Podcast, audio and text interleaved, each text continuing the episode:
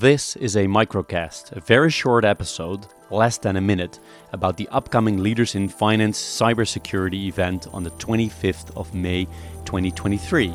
Who is attacking us and how are we defending ourselves? That's the key question, which representatives from banks, insurers, asset management, academia, government, and semi government will speak, debate, and exchange information about. This event is of interest to everyone that is interested in the cybersecurity domain, all the way from the Chief Information and Security Officer, the Chief Risk Officer, the Chief Compliance Officer, to his or her teams, as well as everyone else that has directly or indirectly to deal with the security of the industry.